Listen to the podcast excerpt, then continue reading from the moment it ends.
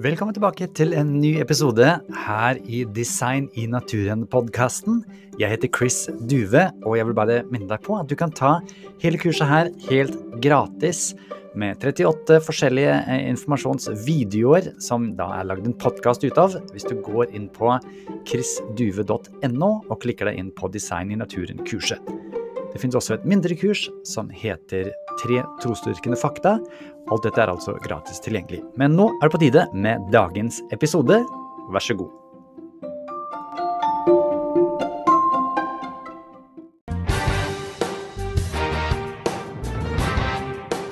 Ja, da ønsker jeg hjertelig velkommen til deg, doktor Ola Hørscher fra Sverige. Ja, tack så mycket.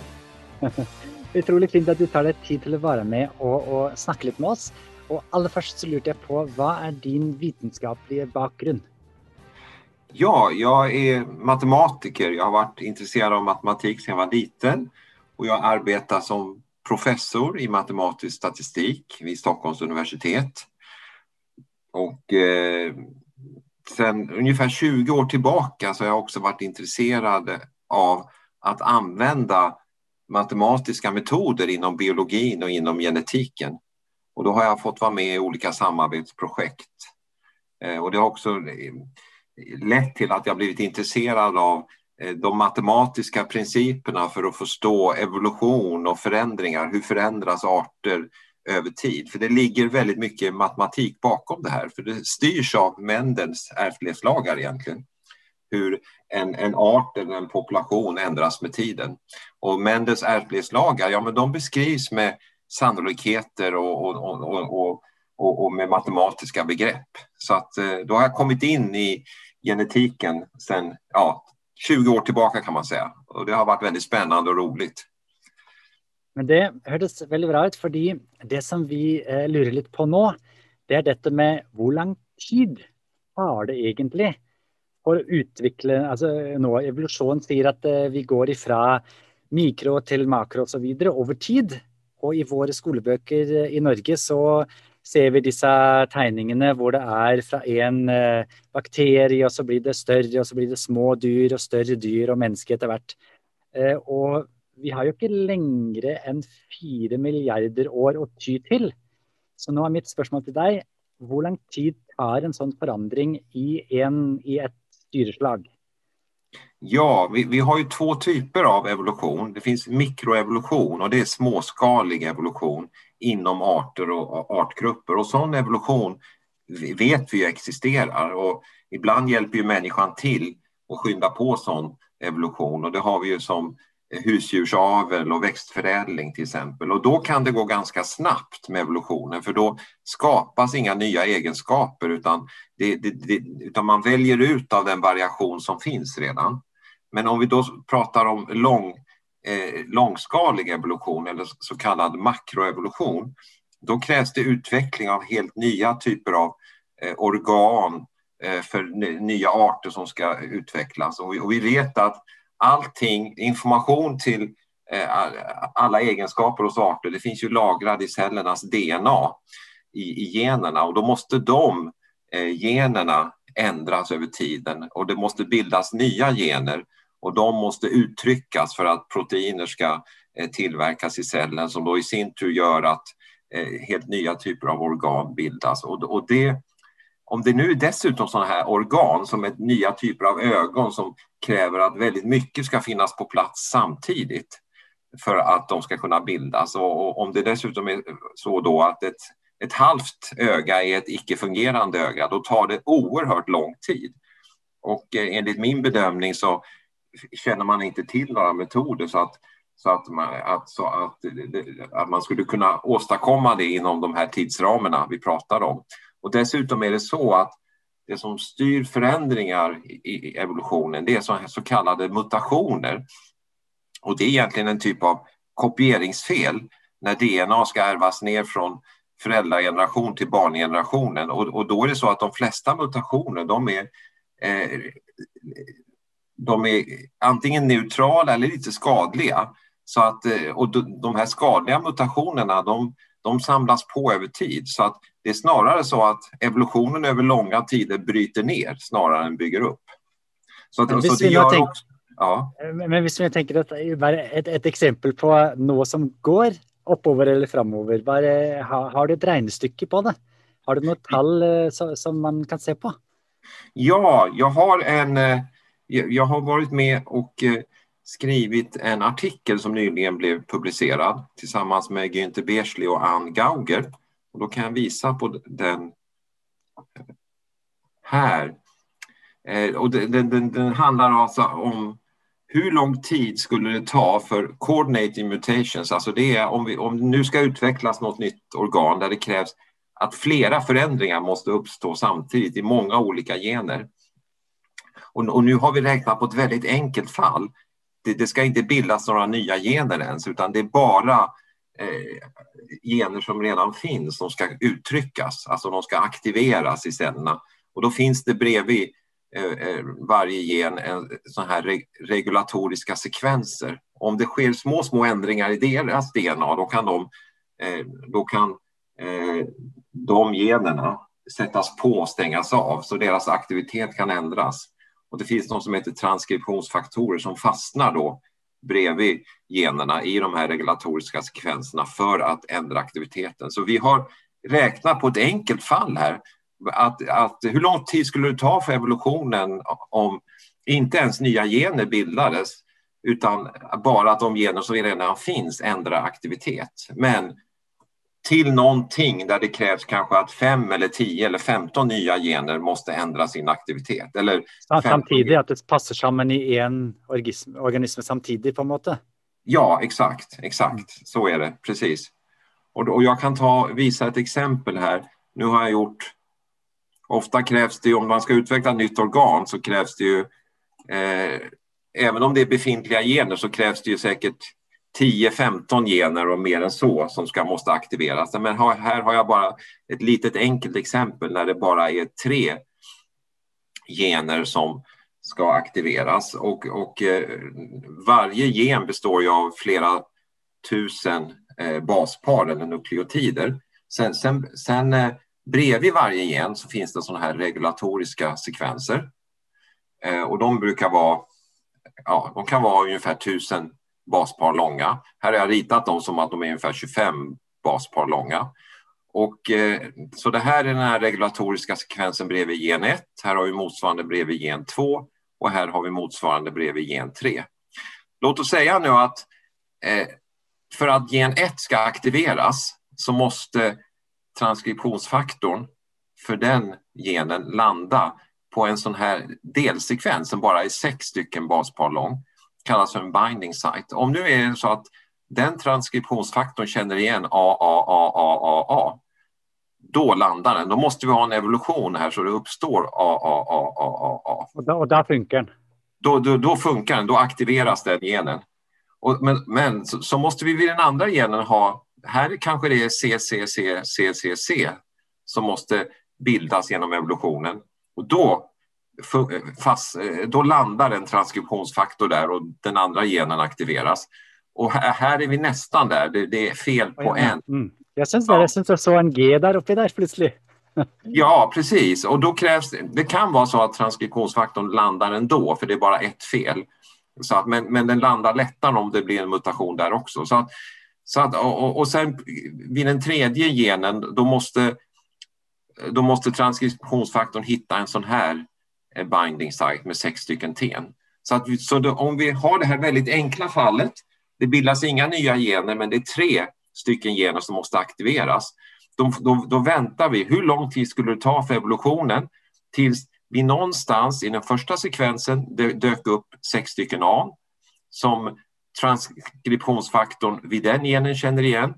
Det ska bildas sex stycken C vid den andra genen som den transkriptionsfaktorn känner igen och det ska bildas sex stycken eh, ten här som transkriptionsfaktorn för den tredje genen känner till. Hur lång tid skulle det ta? Och det är det som vi har räknat på. Och, då skulle, och i det här, även i det här väldigt enkla fallet där vi, vi, det uppstår inga nya gener utan det är bara de gener som redan finns som aktiveras genom att det sker små genetiska förändringar i DNA bredvid genen som reglerar genaktivitet. Även då skulle det ta liksom miljarder år. Och, Miljarder? Ja, det, liksom, och det, det, det, det beror lite på vad man antar för just den här, det beror på vad det är som ska utvecklas så att säga. Så, att, så, att, eh, så det går inte att säga eh, liksom ett allmänt svar, för det beror på hur många gener som måste finnas på plats och det beror på hur långa, till exempel om de här regulatoriska sekvenserna är längre, då är det ju, då är det lättare att det någonstans uppstår eh, den här AAAA-texten. Eh, då går det kortare tid. Men om den här texten med sex bokstäver, om den var åtta bitar lång istället, ja men då tar det längre tid för då måste åtta A finnas på plats. Så att det beror väldigt mycket, men om, om man om, om, om man har liksom ett system med fler än tre gener, 10, 15, 20 gener, då är det absolut så att det, det, det tar alldeles för lång tid. Och speciellt om det är så att det ska utvecklas ett organ där alla bitar måste finnas på plats för att det ska fungera. För att evolutionen har ingen framåt, eh, den har ingen intelligens, eh, den har ingen liksom framåtblick. Så det betyder att den in, om den är halvvägs, om vi nu istället för tre gener hade 20 gener som måste aktiveras för ett visst organ. Om, om, om 20 av dem har aktiverats, men, men då, är det, då är det ett halvt utvecklat organ, det är ett icke-fungerande organ och då, och då kan lika gärna de, de gener som, där de här mutationerna kommer på plats, de kan lika gärna förloras.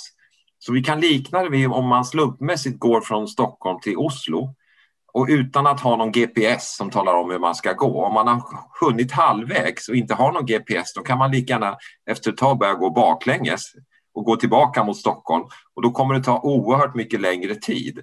Och det är samma sak här att har man så mycket som 20 gener som måste liksom aktiveras för ett visst typ av organ då kommer det ta oerhört mycket tid när man tar i beaktande att man även kan förlora det man redan har upp, åstadkommit hittills eftersom man inte är framme vid målet.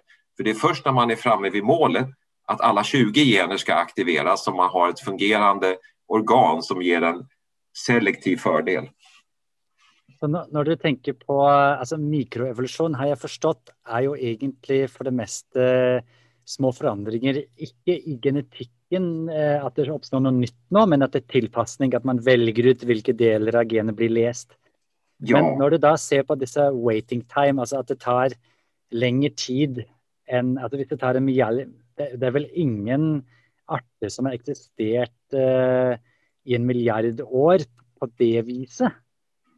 Nej, nej, precis, precis. Det, det är det inte. Och, och, och, och, som sagt, hur lång tid det tar, det beror på, man måste liksom bestämma biologiskt hur varje system ser ut. Men det finns ju många typer av av, av eh, vad ska jag säga, till exempel att eh, eh, fåglar som ska utveckla vingar med flygförmåga, eh, delfiner som ska utveckla navigeringssystem, eh, fotosyntes eh, det, eh, som ska bildas genom evolutionen, nya typer av ögon.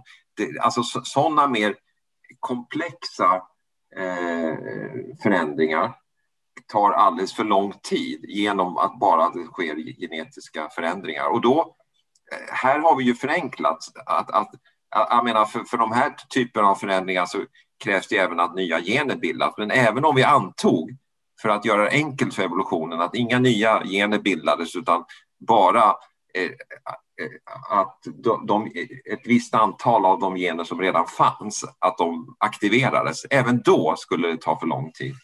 Och när du säger för lång tid, hur mycket tid snackar du om då? Ja, alltså nu, återigen, exakt vilken tid det är, då, då beror det på eh, eh, just det system man tittar på. Eh, och då beror det på hur långa de här regulatoriska sekvenserna är, eh, hur långa de här binding sites är. La, la, oss si, hvis du tar et eksempel på å få et landgående dyr til å bli en hval, har du en, en, slags en idé på noe tall? Altså for alle de forandringene med større lunger, og du må utvikle den der leddet i bak i rumpa, du må ha ny hud, du må ha en ny type øyne osv. Ja, alltså det, det, ja då, då, då, skulle det ta liksom, eh, mycket längre tid än vad som, vad som liksom, Eh, det finns tid till förfogande. Det skulle ta många, många miljoner år eh, och, förmodligen mycket mer än så. Eh, och, och, och, och jag kan visa här exempel bara på hur vi har, här har vi, här har vi, nu, nu är det ju så att här har vi ritat upp fyra kurvor.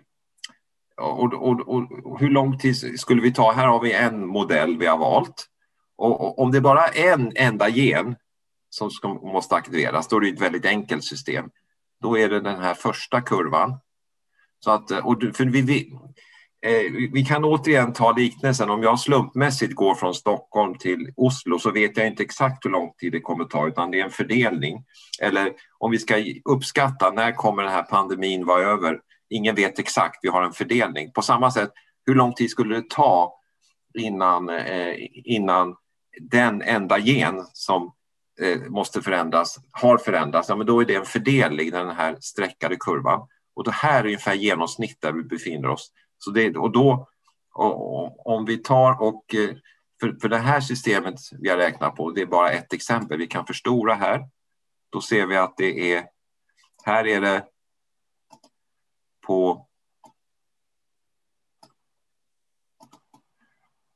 på x-axeln här så är det eh, 10 på 88 och då räknar vi generationer. Så det, om, om en generation är, är 20 år eller 25 år, då är det alltså frågan om 10 på 89 eh, storleksordning i år, så då är det frågan om miljarder. Eh, och, och sen kan vi gå, gå tillbaka här eh, och titta dette på det er bare de positive altså, hva, hva, hvordan, hvordan, ser det ut hvis du i tillegg regner med at de negativa eller att Ja, precis. precis. Då, då är kurvan längre ner. För de här, det här var fördelningen om vi bara har en gen. Om, om, nej, den här, ursäkta, den här kurvan, det var om vi bara har en gen, så då ligger väntevärdet här. Det här är om vi har två gener som måste vara på plats. Här har vi tre gener som måste vara på den kurvan och här har vi fyra. Så att med fyra gener om, om, som måste ändras, då är väntevärdet här borta. Är det tre gener, då är det lite kortare tid. Och nu kommer vi precis, och här har vi och faktiskt ändå gjort det enkelt för evolutionen, för vi tillåter inga bakåtmutationer.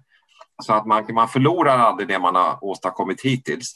Men om vi nu tillåter då, eh, bakåtmutationer, det vill säga att om, om till exempel vi har ett system med eh, eh, fyra gener, det är den här prickade kurvan här, eh, att, att, att, två av de generna har liksom aktiverats.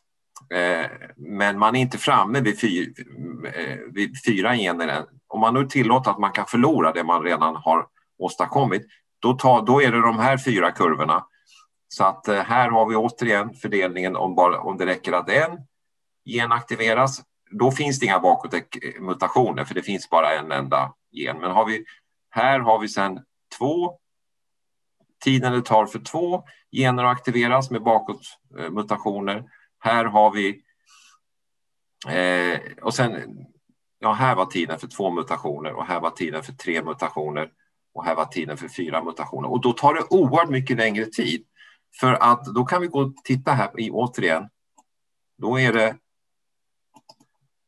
då är det, räknar vi i 10 på 9 eh, generationer. Så att om vi tänker att en generation är 25 år, ja men då är det i storleksordningen 10 på 10 år. Det är tio gånger så lång tid eller ännu längre tid. Så att den här väntetiden blir mycket större i och med att vi, vi, vi kan förlora det vi redan har innan vi är framme vid målet. Det som jag syns är slående är ju att detta här är inte för att bygga en ny vinge eller nya organer eller någonting. Detta är bara en pytteliten liten forandring hvor det gjenopplives några gener som ja, inte har varit i aktion. Ja, exakt. Det är en väldigt bra poäng. Så att egentligen är det här för enkelt för att utveckla nya vingar och fotosyntes och allt sånt där. Som är, utan här är precis, det är bara att aktivera sådana gener som redan finns. Exakt. Nå vet jeg at du var i London i 2016 på den eh, konferansen som eh, Royal British Society of Science hadde. Og der ble det diskutert eh, litt om dette at evolusjon har så store utfordringer med makroevolusjon og forskjellige ting at de var på leit etter nye teorier. Hva var det de sa var problematisk, og hva var det de sa var løsningen? Ja, för att eh, när eh, Charles Darwin först eh, publicerade sin, eh, sin, sitt verk på 1800-talet, arternas uppkomst, så, så det fick ju stort genomslag så småningom. Men under lång tid hade han ingen liksom mekanism för vad som förklarade evolutionen.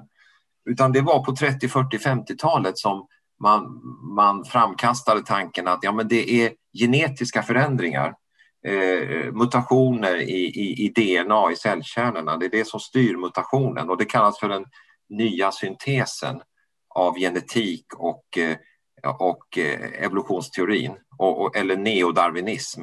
Och, och, och, den kan man säga blev etabler, helt etablerad på 50-talet. Då, då trodde man att ja, men nu har vi verkligen en förklaringsmodell för eh, evolutionsteorin. Och, och, faktum är att de här genetiska förklaringarna de funkar bra för mikroevolution ofta. Så alltså att det var eh, liksom viktiga vetenskapliga upptäckter och, och eh, eh, som man gjorde då med, i och med den här nya syntesen. Men det man har alltmer har nu insett, evolutionsbiologer runt om i hela världen, att de genetiska förklaringarna de räcker inte för att förklara stora förändringar, det vi har varit, det vi har varit eh, inne på nu. Om man till exempel ska utveckla eh, vingar med flygförmåga, fotosyntes och så vidare. Och, och då har man eh, kommit fram till att det krävs andra typer av mekanismer utöver de genetiska. Man pratar om epigenetik och natural engineering och, och, och, och andra typer. Eh, fenotypisk plasticitet. Det finns olika sådana begrepp som man eh, vill eh, som inte är genetiska som man tar till hjälp också. Och, och då år 2016 då den här konferensen i London, The Royal Academy of Sciences, då samlades en, en rad evolutionsbiologer som har insett att den här moderna syntesen från 50-talet med de genetiska förklaringarna till evolutionsteorin, de räcker inte. Så att egentligen är makroevolutionsteorin i kris kan man säga. Men man ikke, försöker... Men den är inte i kris i biologiböckerna våra? Nej, nej, nej, precis. Det har inte hunnit fram till biologiböckerna och, och, och, och jag verkligen beundrar de här evolutionsbiologerna som, som vågar på, visa på att vi måste hitta nya förklaringar och man har väldigt många kreativa alternativa modeller och det, jag tycker det är bra att man forskar på det men som jag ser det så är det ingen av dem som ännu kan förklara uppkomsten av sådana här helt nya typer av organ som makroevolutionen kräver. Och, och, eh, och, och de flesta då, evolutionsbiologer, de vill ändå stanna kvar inom det här paradigmet att alla arter har gemensamt ursprung. Så man, över, man, över, man, man vill inte överge makroevolutionen men man försöker hitta nya mekanismer. Men som jag ser det har man inte hittat dem än. Men det finns väldigt många väldigt duktiga forskare och det finns många, liksom många kreativa idéer hur det skulle kunna ske och en del av dem kan förklara vissa begränsade förändringar men det är en helt annan sak att bygga upp helt nya or organ med helt nya strukturer. Och då, men men det var, jag tycker det var väldigt lovvärt att man ändå hade en sån konferens där man ändå vågar peka på bristerna i eh, makroevolutionsteorin, även om man inte är beredd eh, åtminstone inte majoriteten är beredd att lämna den teorin. För den är så etablerad och många vågar säkert inte heller. Men, eh, men du vågar? Vad, ja. är det du, vad är det du tänker? Ja, men jag tänker att, eh, att, eh, att som matematiker så ser jag en så otrolig utmaning i att, att makroevolutionen Eh, eh, skulle kunna eh, liksom förklaras av små, små förändringar. Utan jag ser också rent matematiskt att det är oerhört svårt för slumpmässiga förändringar, även om det är genetiska eller något annat, att bygga upp ny information. Så det är egentligen ett informationsproblem.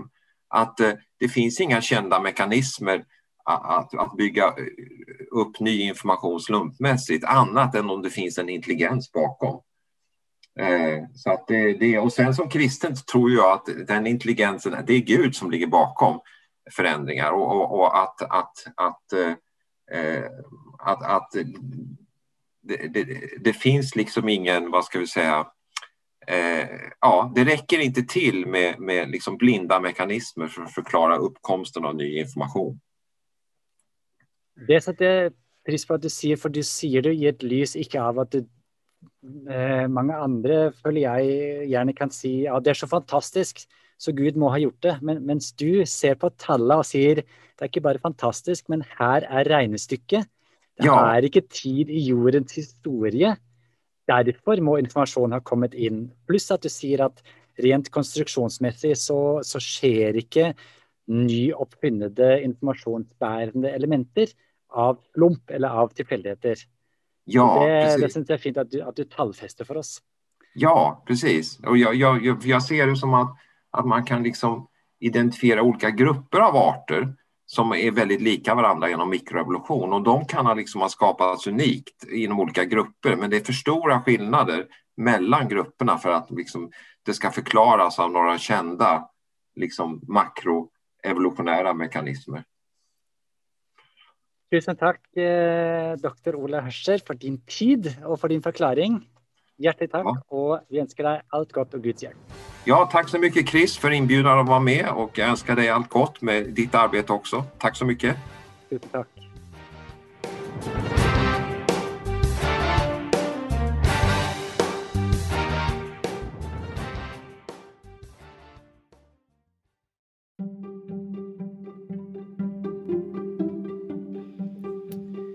Igjen, dersom du ønsker å få tilgang til de hjelpearkene eller oppgavearkene, så er det jo fullt mulig for deg å signe opp til kurset. Da går det an å laste det ned. Hvis du går inn på chrisduve.no, så ser du all informasjonen der. Dersom du ønsker å støtte denne podkasten og annet arbeide som jeg holder på med, kan du også lese mer om det på chrisduve.no. Takk for nå.